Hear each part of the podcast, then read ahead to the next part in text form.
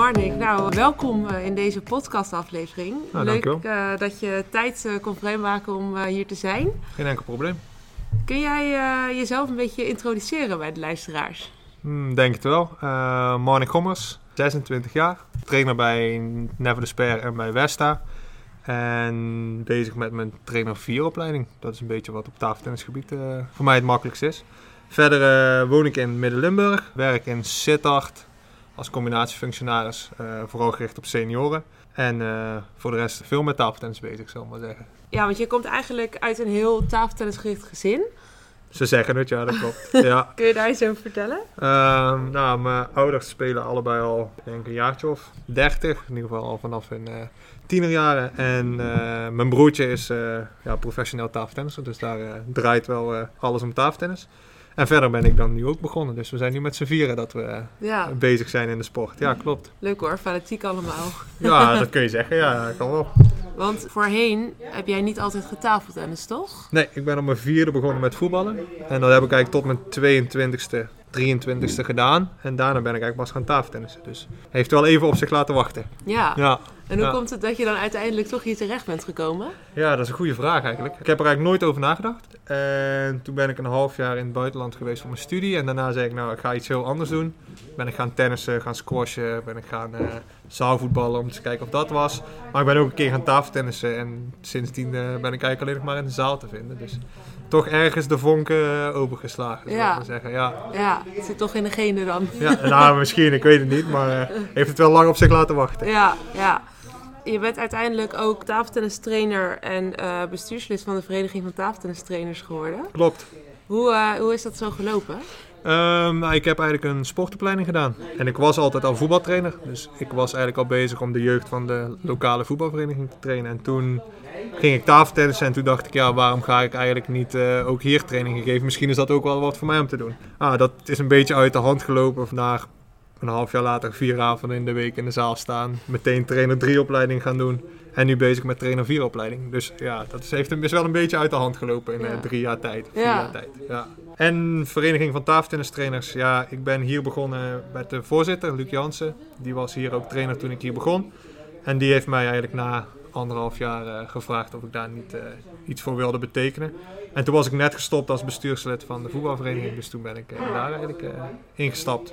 Dus zodoende die combi eigenlijk. Ja. En Ja. welke doelgroepen geef je nu vooral veel training? Ehm, nu doe ik eigenlijk alles. Van beginners tot gevorderde tot individuele training. Eigenlijk van alles. Leeftijd tussen de 4 en de, ja wat zal het zijn, 66, 67. Oudste lid is hier zo bij Never Spel wat anders. Dus wat ouder. Dus ja, eigenlijk alle doelgroepen wel. Ja. Maar nu gaat het wel steeds meer iets richting de competitiespelers. Daar gaat het wel ietsje meer naartoe. Om Ah, daar wat gerichter mee aan de slag te gaan. ja. Dus, eh, Vorig seizoen eh, heb je voor de afdeling West een trainersworkshop gegeven. Daar was ik zelf bij. Eh, die was gericht op oefenstof voor beginners. Ik denk dat het een heel interessant onderwerp is voor eigenlijk elke vereniging met beginnende jeugd. En als ik me goed kan herinneren van de workshop, ga jij er in je trainingen vanuit dat een beginnende speler eigenlijk door vier verschillende fases gaat. Kun je dat wat verder toelichten? Zeker. Ja, beginnende speler, zeg maar. Ik pak altijd de beginnende fase, dus iemand die net bin- binnenkomt. Dat deel ik eigenlijk in vier fases op. En dan pak ik ongeveer de eerste anderhalf jaar dat de speler eigenlijk bij mij in de training bij de beginners of bij de instroomgroep eh, komt. En dan pak ik eigenlijk de vier fases en dan is de eerste fase enthousiasmeren. Ongeveer de proefperiode die we vaak hanteren, vijf, zes, misschien zeven lessen. Waarin we gewoon eigenlijk proberen om de nieuwe speler zo enthousiast mogelijk voor het spelletje te maken. Veel leuke dingen doen. Daarna pakken we eigenlijk een fase ontdekken en juichen. Waarin eigenlijk zoveel mogelijk succesbeleving ervaren moet worden. Zodat het nog steeds leuk blijft, maar dat er wel iets meer richting het spel tafeltennis gaat. Daarna hebben we de derde fase. Dat is eigenlijk de langste fase in de beginnerscyclus. Voor mij, of in mijn beleving. En dan noem ik spelend leren spelen. Waarbij ze dus op een spelende manier eigenlijk in aanraking komen met en service en rally en een wedstrijd spelen. Uh, maar ook de regeltjes die daarbij komen kijken. Uh, en mikken en dat soort zaken. Ja. Um, en als we dan richting de competitiefase gaan, wat bij sommige mensen wel lukt na anderhalf jaar, bij anderen niet. Maar dan gaan we spelend leren trainen. Dus dan komen er al wat meer oefeningetjes ja, bij het al tien keer overspelen of het al uh, met service en dan al punten maken. Dus dan komt er al ietsje meer een wedstrijd en een competitiegericht element in. Waarbij we dat dan uitbouwen richting een tweede training of echt al een competitie, een beginnerscompetitie. Ja. Dus zo eh, bouwen we dat eigenlijk een beetje op. Ja. Oh, wat interessant. Heb jij dit concept eh, zelf ontwikkeld op basis van jouw eigen ervaringen? Eh, ja, ik heb dit eigenlijk gewoon bedacht. eh, omdat ik zelf eigenlijk een kapstok wilde hebben. Waarin ik mijn beginnerstraining zou kunnen opdelen. Toen ik begon met training geven had ik zoiets van ja, ik doe wel leuke dingen. En ik probeer ze wel iets bij te brengen. Maar dan kom je al heel snel achter dat je gewoon maar dingen aan het doen bent. En vandaar ben ik eigenlijk zelf gaan kijken, oké, wat wil ik ze nu eigenlijk bijbrengen? En hoe kan ik dat nu gewoon in stukjes hakken, zodat ik daar ook gewoon gericht mee bezig kan zijn. Ik denk niet dat dit, ja, dat dit helemaal authentiek is. Ik zou echt wel van verschillende dingen hebben gebruikt. Maar ik gebruik dit wel zo, ja, dus zo werk ik. En eh, sommige mensen nemen dit over en andere mensen zeggen nou dat werkt niet. Maar dit is wel hoe ik daarmee aan de slag ben gegaan. Ja. Ja. En afhankelijk van de fase waar een kind zich in bevindt, bedenk je bepaalde oefeningen. Klopt. Waar hou je in zo'n oefening dan vooral rekening mee? Ehm, dat er genoeg succesbeleving in zit. Een oefening is leuk voor een beginner en ook leerzaam als het vaak goed gaat, maar niet altijd. Dus ik pas mijn oefeningen aan, ja, hoe zou ik dat zeggen, zodat ze voldoende uitgedaagd worden. Dat kan ook best wel eens misgaan en dan moet ik aanpassen. Je hebt toevallig net een training van mij gezien, daarin zul je dat soort dingetjes ook wel voorbij hebben zien komen. Ja, zeker. Ehm, dat ik aan moet passen van, oh ja, het is net te moeilijk, zal toch iets terug moeten. Eh, want anders is ook de concentratie van het kind weg en dan leren ze helemaal niks. Dus ja, dat, daarin pas ik er wel aan. Dus er moet genoeg eh, succesbeleving in zitten. ja. Ja. En als je dat in percentage zou uitdrukken, hoeveel procent succes zou een kind dan moeten hebben en hoeveel procent ja, dat een oefening soms niet lukt, Mhm. bijvoorbeeld? Ehm, ik probeer altijd 70-30 aan te houden. 80-20 zou eigenlijk beter zijn. Maar 70-30 dan zit je eigenlijk altijd goed. is ook iets makkelijker in te schatten. Of het Ja. drie keer fout gaat of twee keer op de 10. En 70-30 is zeker voor beginners. Heb ik wel zoiets van. Het mag ook wel iets vaker goed gaan. Want ik wil ze toch als lid van mijn vereniging wel behouden. Ja. Ehm, dus daar, ja, daar pas ik wel aan. En dat doe ik heel vaak door gewoon heel makkelijk de oefening aan te passen. Zelfde taak, maar net iets anders of net iets makkelijker. Of meer of minder punten. Of ja. dat het toch net wat meer beleving met de kinderen met zich meebrengt. Dus ja, zo probeer ik dat wel aan te passen, ja. En maak je daarbij ook veel gebruik van materialen? Eh, als ik de mogelijkheid heb, zoveel mogelijk. En dat doe ik vooral ook. Ik probeer ook altijd om de zaal klaar te hebben staan voordat de kinderen binnenkomen. Mhm.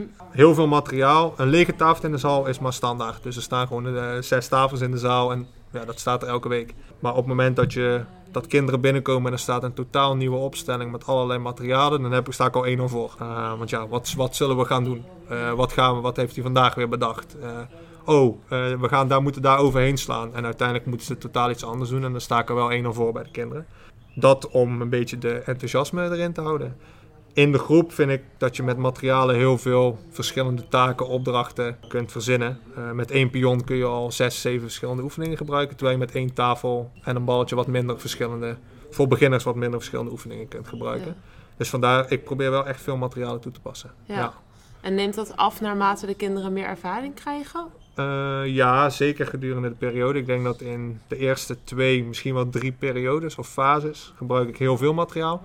En naarmate we naar spelend leren spelen gaan, ja, gaan we wel steeds meer naar ja, gewoon de rally zonder Ja. materialen. En staat er misschien nog één, twee, drie pionnetjes om tafel om toch te raken of tussendoor te serveren.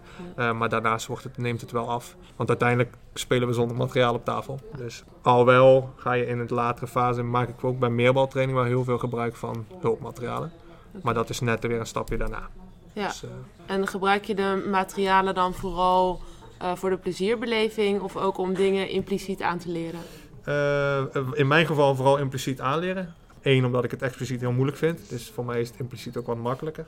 Anderzijds maakt het het kind ook wel, oké, wat moet ik nu doen? Het maakt het ook wat leuker, wat kleurrijker. Eh, zeker voor de wat jongere spelers doe, gebruik ik eigenlijk standaard wat materialen. En kun je ons eens meenemen langs die verschillende fases en welke doelen je eigenlijk per fase hebt? Zeker. Eh, enthousiasmeren. Ehm, ja, net al eigenlijk al aangehaald. Hè. Zoveel mogelijk eigenlijk het plezier van de speler. Zodat ze het leuk vinden om te komen tafeltennissen. En leuk vinden om bij de vereniging binnen te komen. Ehm, heel veel verenigingen hebben natuurlijk ook de vijf lessen proefperiode. Nou, die moet je eigenlijk gewoon doorkomen. Ehm, daarin is het niet zo heel tafeltennis specifiek. Ik probeer wel weer veel met de tafels en met een balletjes en met badges te doen. Maar het is nog niet per se echt aan tafel. Ze veel meer spelvormen, estafettevormen. Uh, maar gewoon dat ze, het, ja, dat ze met plezier komen en dat ze aan het einde van de training zeggen: Ik kom volgende week weer. Ja. Dat is eigenlijk de eerste fase. De tweede fase is eigenlijk een stukje uh, bewegen. Dus dat ze weten hoe het bedje vast moet houden. Uh, maar ook hoe, de, ja, hoe ze de bal naar de overkant krijgen. Dus een stukje serveren, bal in het spel brengen. En een stukje bewegen, dat is bij ons wel heel belangrijk. Goed kunnen bewegen, naar de bal kunnen bewegen. Um, niet alleen maar uit stand spelen. Dus ja, die drie zijn daarin wel heel erg van belang. En ook de goede basis aanleren. Dus, niet, dus zowel al het zijwaarts bewegen als de ja, kleine slagbewegingen. Uh, maar ook gewoon basismotoriek. Dus balans, coördinatie, vooruit, achteruit. Oh ja. Allerlei uh, zaken. Dat zit eigenlijk in die tweede. Uh, en de derde, ja, dan komen we op een stukje rallywerk. Nog niet zozeer slagtechniek. Die komt in de loop van die periode wel. Gewoon de bal op tafel kunnen houden is daar al heel erg van belang. Stukje ja, voetenwerk dan ook weer linkerbeen goed Ja. vanuit daar.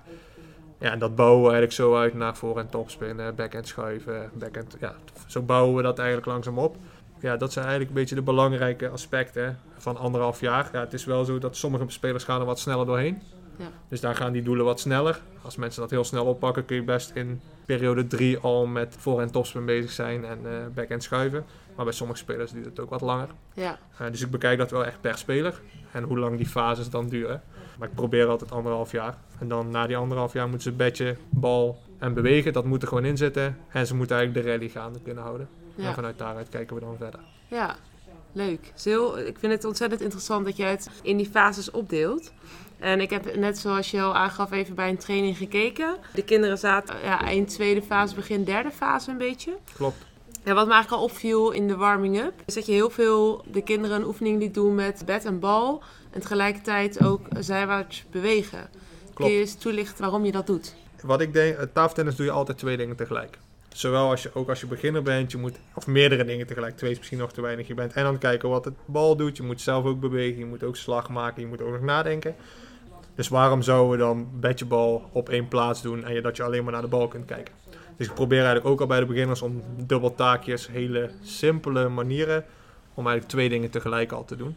Uh, moet wel zeggen dat ik daar bij deze groep een paar weken geleden mee begonnen ben. Dus ik ben wel echt begonnen met gewoon uit stand, maar ik wil dat wel graag uitbouwen. En we doen het ook wel eens gewoon met overhekjes springen en dan de bal hoog houden. Dus we maken er wel echt, echt dubbeltaken van. Okay. Dus uh, gewoon om, om daar al aan te wennen. Ja. ja. ja, dan ben je ook veel bezig met hand-oogcoördinatie. Is dat specifiek voor een bepaalde fase? Um, nee, niet specifiek voor een bepaalde fase. Ik heb altijd als ze uh, anderhalf jaar bij mij of bij ons getraind hebben, dan wil ik ze een bepaalde basis meegeven. Dat als ze dan toch niet doorgaan met tafeltennis, dat ze dan toch een motorisch wel wat geleerd hebben. Niet dat ze alleen maar spelletjes gespeeld hebben. Kunnen ze ook veel van leren, maar ik wil ze dan toch wat bijbrengen. Dus dat is eigenlijk gewoon een beetje de basis waarop ik graag verder bouw. Ik vind het ook wat makkelijker als mensen alle bewegingen kunnen en weten wat je bedoelt. Ja, het afleren is moeilijker dan nog aanleren. Dus vandaar, dus niet specifiek binnen een bepaalde fase. Nee, dat zit er eigenlijk altijd wel in. Ja. ja. Wat ik je ook heel veel zag doen, is het gebruik maken van metaforen. Ja. Ik heb een uh, krab voorbij zien komen en spaghetti en uh, nou, een gorilla heb ik je wel eens over gehoord.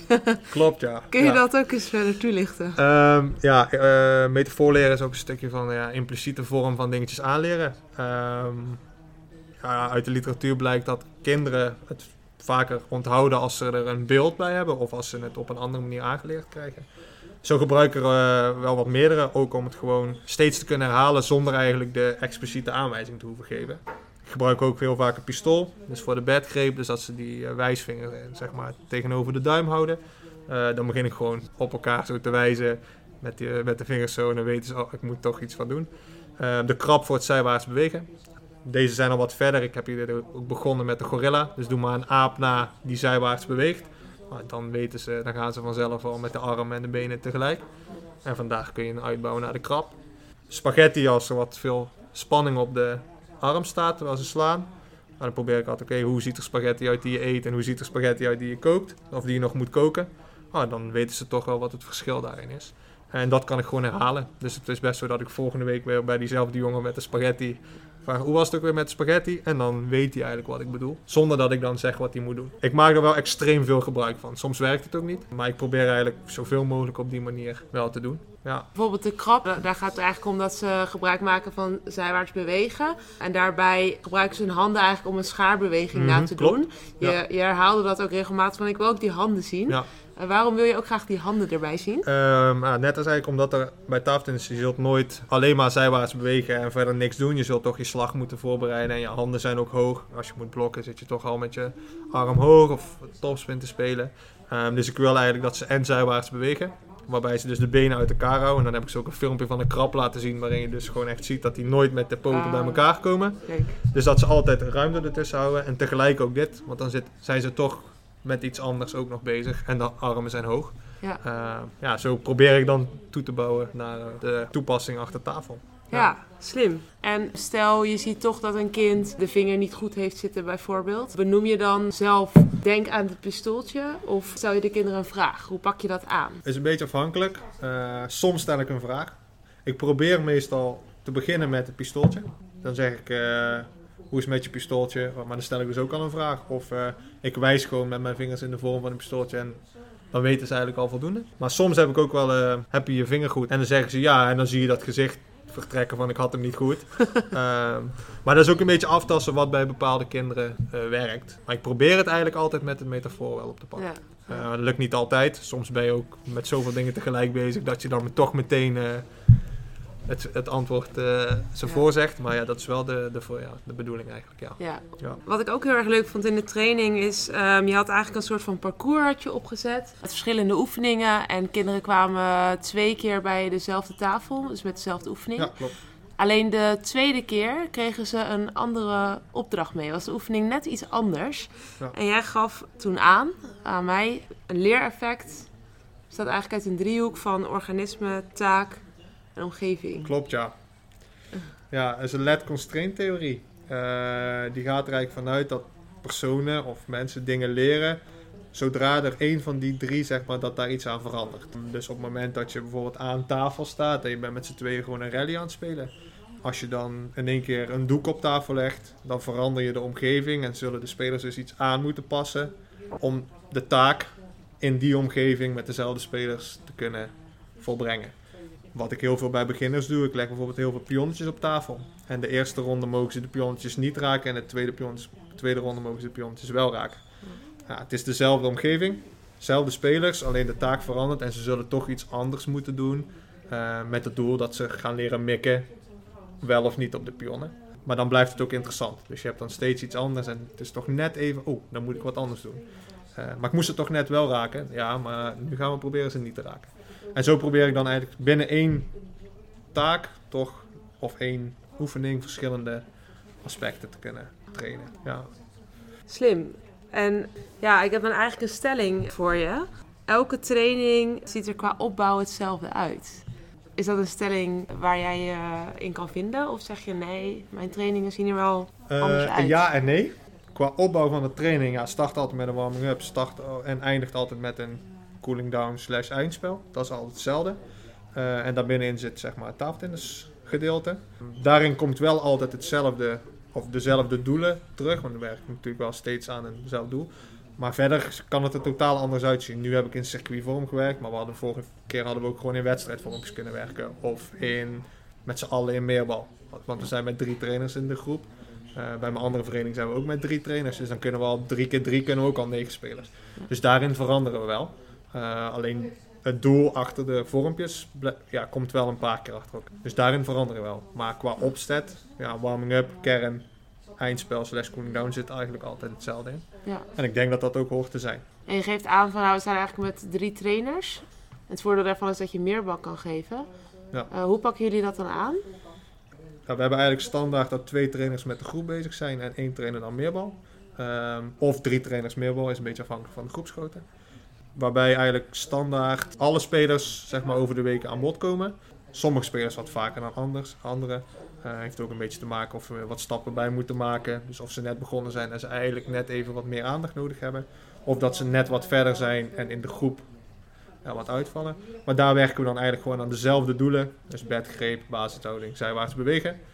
Maar ook een beetje aan de slagtechniek om daar toch dan wat in te gaan doen. Maar ook in de eerste fase kunnen ze best wel eens meerbal krijgen. Maar dan is het gewoon, hè, raak de pion maar, probeer de bal maar te raken en raak de pion maar. Maar dat doen we dan wel in meerbal situatie om daar al aan te wennen. Dus ja, het is een beetje afhankelijk van in wat voor fase we ook zitten en wat voor spelers we binnen hebben, hoe we dat eigenlijk inzetten. Ehm, maar we proberen dat wel structureel te doen, ja. Ja. Dat, eh, om gewoon wat veel ballen te raken en wat individuele aandacht te geven. Ja, en kinderen speelden bij jullie met één bal. Dus elk koppel kreeg één bal, als ze dus geen meerbal kregen. Ja. Wat is daar de gedachte achter? We doen dat binnen al onze trainingen. Dus dat doen we zowel bij de beginners. Nou, bij de beginners is dat ook om aan te leren. Gewoon één bal per tafel. En dan is ook de aandacht wat groter. We doen best wel vaak wedstrijdvormpjes die maar twee, drie minuten duren. Ja, ze willen toch allemaal graag winnen. Dus dan blijft de aandacht toch wel bij tafel. Want ze moeten die bal aan snel weer punt halen. Ja, en dat zie je hier ook. We zitten nu naast de selectie. En dat er ook maar met één bal. En je ziet gewoon dat, die, dat de aandacht wat meer bij de tafel blijft. Om maar met één bal eh, te trainen. Uh, maar bij de beginners is het vooral om dat ook gewoon aan te leren. Dat gewoon één bal per tafel, daar trainen we mee. Ja, Ja. dat is een beetje structuur wat je Ja, eigenlijk wil gewoon bieden. meteen vanaf het begin uh, gewoon in die, in die structuur. Wel heel speels, maar wel in de structuur van een training. Ja, ja, oké. En als je nadenkt over uh, de volgorde van aanleren van slagen. Dus je hebt eigenlijk uh, basishouding en bedgreep, contra, voorhand topspin, backhand topspin, voorhand schuiven en backhand schuiven. Mhm. In welke volgorde leer jij deze slagen bij jeugdleden aan en waarom? Um, ja, dat is een goede vraag. Uh, ik begin eigenlijk altijd met gewoon hoe ze het ook doen, maakt niet zoveel uit, maar dat ze de bal kunnen raken. Dat is het eerste punt. Um, daarna ja, kom je eigenlijk automatisch wel op de contraslagen, zowel backhand als voorhand. Bij sommigen wordt dat meteen voorhand topspin. Nou, dat ga ik er niet uithalen. Ze moeten voor mij geen contra spelen. Als ze voorhand topspin spelen, vind ik het ook prima. En daarna wordt het eigenlijk standaard backhand schuiven, zo min mogelijk, maar uh, en voorhand topspin, omdat dat relatief dezelfde slagen zijn qua armbeweging. Want backhand schuiven en voorhand topspin is eigenlijk hetzelfde. En voorhand schuiven en backhand topspin zijn eigenlijk tegenovergestelde. En voorhand schuiven is heel moeilijk, omdat het ver van het lichaam is. Uh, dus dat is coördinatief heel lastig. Dus die zit eigenlijk vaak laat. En dat zie je overal, over het algemeen wel. Zoveel maar eens een keer op voorhand kort en ja, dan weet je wat er gebeurt. Maar die zit er eigenlijk wel in periode 4. Proberen we ze wel allemaal een keer gehad te hebben. Of ze allemaal goed zijn, weet ik niet, maar in die anderhalf jaar proberen we ze wel allemaal uh, aan bod te hebben laten komen. Uh, maar vooral voorhand topspin, backhand, contra topspin, die zitten er wel. Uh, ja, is wel de basis van waar, vanuit waar wij werken. Ja. Ja, ja. En bijvoorbeeld een, een, het aanleren van een voorhand topspin, hoe pak jij dat aan? Met heel veel materiaal. Ja. over een hekje. Um, dus echt een, bol, een bolling maken. Met wat dikker of grotere ballen spelen. Okay. Om dan wat meer tijd te hebben en echt het gevoel te hebben van om hem aan de bovenkant te raken. Kunnen we ook rollen over tafel. Um, en dan pak ik van een grotere bal naar een kleinere bal. En dan rollen we hem over de tafel. Staan we gewoon naast tafel. Dan raak ik die bal maar aan de bovenkant. En daarna gewoon uit een stuit over tafel. Dus we bouwen dat wel in fase op. Sommigen gaan meteen bij tafel en die raken er meteen. Nou, dan kun je vanuit daar beginnen. Anderen moeten dat echt in stapjes aanleren. Wel vaak in meerbal, in de meerbalsessie pakken we wel nieuwe dingen. Niet okay. zozeer in de groep. Ja. Uh, dan houden we gewoon het bij de standaard basishouding, bewegen, serveren, mikken. En dan bouwen we dat vanuit daaruit uit. Ja. Maar we doen dat veel met materiaal. Ja. Oké. Ja. En in welke fase zou je dat dan doen? In fase 3 of fase 2? Uh, ja, fase 3 denk ik het meeste. Dus bij sommigen in fase 2. We hebben bijvoorbeeld iemand in die groep zitten die is heel leergierig. Oké. Okay. Ja, en die kwam, ik wil voor een topspin leren na uh, zijn twaalfde les of zo, zeg maar. Ja, dan gaan we daar gewoon wel, als hij de rest al kan, en dat kon in dit geval, dan gaan we wel verder. Ja. Maar normaal gesproken zou het in drie komen, ja. Dus als je, um, stel je hebt weer stelling, uh, plezier is belangrijker dan focus op techniek. En dan zeg je van, nou eigenlijk in de eerste en de tweede fase is, uh, zeker, zeker in de eerste fase is plezier heel belangrijk. Mm -hmm. En daarna gaat die focus eigenlijk steeds meer op techniek. Uh, ja, zonder plezier kun je ook niks leren. Ook al ben je, ben je supergoed, als je geen plezier hebt om iets te doen, of ja, natuurlijk is het niet altijd leuk, maar als je plezier hebt in dat wat je doet, dan kun je ook leren. Als je er geen zin in hebt, dan zul je ook minder dingen oppakken. Ja. En dan is het ook niet leuk om iets nieuws te gaan doen. Want ja, kan ik het wel. eh, dus je moet ook plezier hebben in dat wat je doet. Nou, daar zijn de trainers ook heel erg van belang in. Een goede band met de spelers is ook wel belangrijk. Eh, zorgen dat ze dingen vertellen. Zorgen dat ze, dat ze jou ook mogen. Dat je niet te streng bent, maar ook niet Ja. te lief, zeg maar. Eh, dat ze ook wel wat van je aannemen. Dat heeft ook allemaal met plezier te maken. Ja. Ja. Eh, het mooiste is dat ze voor jou komen trainen, hè, bij wijze van spreken. Maar dat zou niet het moeten zijn. Maar dat ze het leuk vinden om bij jou wat te leren en leuke dingen te doen. Ja. Ehm is heel gechargeerd dit, maar ehm, uiteindelijk moeten ze het zelf leuk vinden. Ja. Maar ja, ik denk wel dat plezier, dat het daarmee begint. Voordat je andere dingen kunt gaan doen. En neem je heel veel dingen vanuit je werk mee in de training die je geeft? Ben je, kun je eens wat uitleggen wat je doet in je Mm. werk? Zeker. Ik ben combinatiefunctionaris uh, gemeente Sittard Geleen. En daar verzorgen we, voeren we eigenlijk beweeg- en leefstijlinterventies uit. Ik zit vooral op senioren, dus op 55-plussers. Dan moet ik heel erg zeggen dat ik daar wel dingen vanuit meeneem. Ja, wat we eigenlijk daar proberen is de mensen gewoon in beweging te krijgen. Dus een wat gezondere leefstijl uh, en gewoon 50-plussers zoveel mogelijk beweegactiviteiten te laten uitvoeren. Nou, die organiseren we en voeren we dan uit. Maar die lessen bestaan wel een beetje uit hetzelfde. Ja, het is gewoon eigenlijk een training geven. Alleen die mensen moeten het leuk vinden, want anders blijven ze niet. Dus ook daar moet je heel erg inspelen. Oké, wat kunnen ze wel, wat kunnen ze niet? Is het te moeilijk? Oké, hoe kan ik dan variëren? Moet ik iets aanpassen? Dus dat soort dingen heb ik wel in mijn werk ook dagelijks. Ja, niet meer dagelijks maar wel vaak mee te maken van oké, okay, hoe kan ik nu aanpassen op dat wat de doelgroep, en in dit geval zijn dat dan senioren. Ja. In de zaal zijn het wat andere. Ja, hoe ga je daarmee om? Uh, ja. Dat maakt het wel wat makkelijker om te improviseren en om ook te zien van oké, okay, hier moet ik wat aanpassen. Ja. Uh, nou, dat is een geluk wat ik heb. Uh, ook wat met de basis, met de sportopleiding. als, ja, dan zit dat er een beetje in.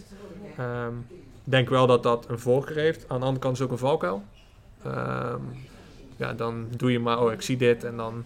Maar goed, uh, senioren en kinderen zijn niet hetzelfde. Nee. Of uh, 70-plussers zijn niet gelijk aan uh, iemand van 34 die hier volle bak staat te trainen. Dus niet alles is overdragen, maar er zitten wel ja, overeenkomsten in ja. hoe je daarmee omgaat. Ja, zeker. Um, ja, want jij geeft aan van nou, ik heb wel heel veel ervaring vanuit mijn werk. En ik heb uh, trainersopleiding gedaan en je hebt eigenlijk heel veel ervaring en kennis. Mm -hmm. uh, stel iemand is er nu aan het luisteren en die heeft eigenlijk niet zo heel veel ervaring, maar zou wel heel graag trainingen bij zijn of haar club een, uh, een boost willen geven. Mm Mhm. -hmm. Zeker voor beginners. Ja. Wat voor tips zou je iemand dan willen meegeven? Um, blijf dicht bij jezelf. Zorg dat je het op jouw manier doet.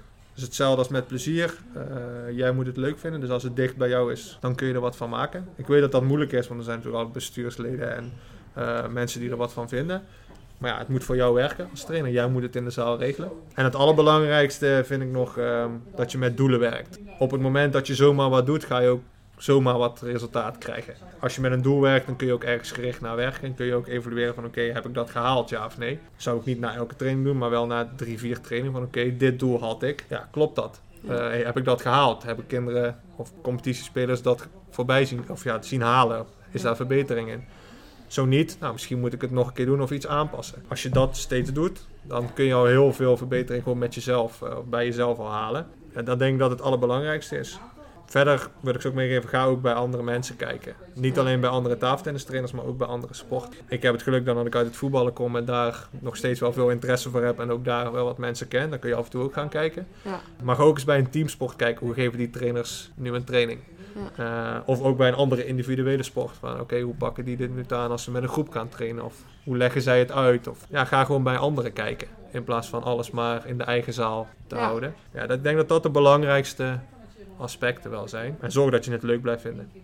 Ja. Wat jij uitstraalt, ja, is, straalt heel je training uit. Ja. En dan prikt iedereen zo doorheen. ja.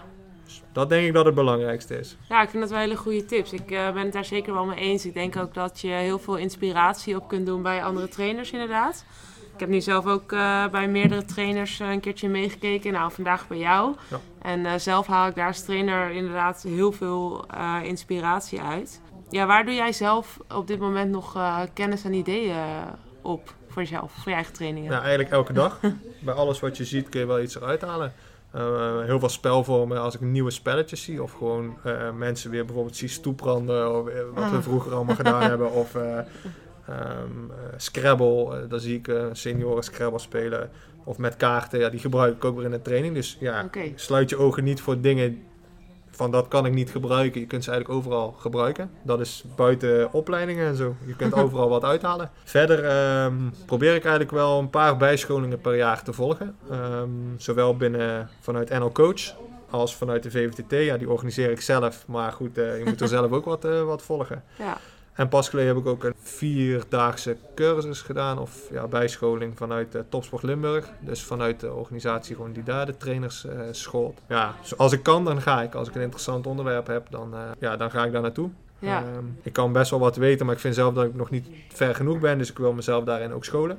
Ja. Ehm, en dat vind ik ook interessant. Dus ik ga eigenlijk best wel veel naar dat soort zaken toe. En het, en, het VVTT-congres is ook altijd een mooi om veel trainers te zien, daar meteen te sparren, maar ook van de inleiders daar te leren. Ja. Uh, dus dat zijn eigenlijk de standaard dingetjes waar ik eigenlijk naartoe ga. En dat doe ik wel ja, vier, vijf, misschien wel zes keer per jaar dat ik echt wel uh, naar zoiets ga. ja. Ja. Zo ben je eigenlijk nooit uitgeleerd. Nee, we zijn, nooit, we zijn nooit uitgeleerd. Nou ja. Nee, nee, zeker niet. Nee. We kunnen altijd wel weer ergens wat eh, bij leren of extra inspiratie Ja, en doen. het gaat ook snel in deze tijd. Hè. Kijk, wij doen nu in tafeltennis lopen we, ja, doen we eigenlijk nog heel weinig met technologie. En zijn we nog best wel op de ouderwetse manier bezig. Nou, ik denk dat we daar nog heel veel stappen in kunnen maken. En het gaat nu ook heel snel. Dus we zullen ook nooit uitgeleerd zijn, denk ik. Nee. Nee, Er zitten nog spannende dingen aan te komen in de zeker, toekomst. zeker. Eh, wat zijn jouw am- ambities eigenlijk voor de toekomst? Eh, ik heb geen idee. Nee? Nee, ehm, ik ben ja, pas 3,5, 4 jaar trainer. Ehm, als je mij drie jaar geleden had gevraagd van eh, je doet nu dit en je bent eh, bestuurslid VVTT, eh, trainer 4 aan het doen, dan had ik gezegd, ja, ben je maar helemaal gek.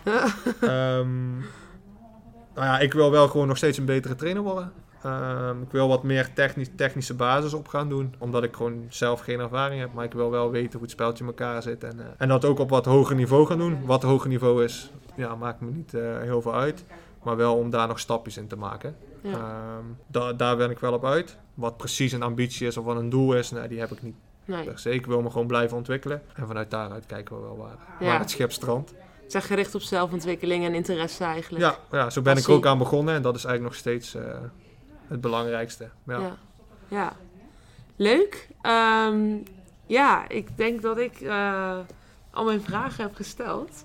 Heb ik nog, eh, ben ik nog een vraag vergeten te stellen? Heb jij nog dingen waarvan je denkt, nou, dat is nog wel echt leuk om, om te vertellen?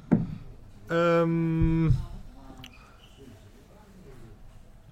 ik heb misschien nog wel een vraag aan jou. Ehm, je gaat nu dit eh, met verschillende trainers nodig je uit. Hè?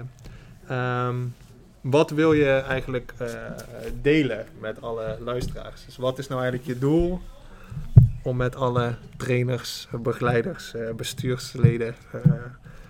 ja, wat, wat willen we hiermee bereiken? Of wat wil jij hiermee bereiken? Ja, goede vraag. Mijn, ja, mijn intentie eigenlijk met deze podcastserie is om zoveel mogelijk eh, mensen in tafeltennisland eh, te onderwijzen over bepaalde onderwerpen die te maken hebben met jeugd. Ik denk dat er heel veel kennis is omtrent jeugd bij verschillende mensen, wat misschien niet altijd bekend is voor iedereen. En ehm, ja, ik wil het eigenlijk wat meer toegankelijk maken voor mensen die net als trainer zijn, zijn begonnen of willen beginnen. Of eh, ja, als bestuurder. Het kan eigenlijk van alles zijn. Het kan ook eh, onderwerpen zijn zoals jeugdwerving, jeugdbehoud, jeugdcompetitie. Gewoon delen van wat, wat we hebben. Ja, informatie eh, zoveel mogelijk delen met elkaar. Oké. Ja, Ja, lijkt me goed. Ik denk dat we dat een goede manier is om eh, daarmee aan de slag te gaan. Zeker. ja. Ja. ben benieuwd.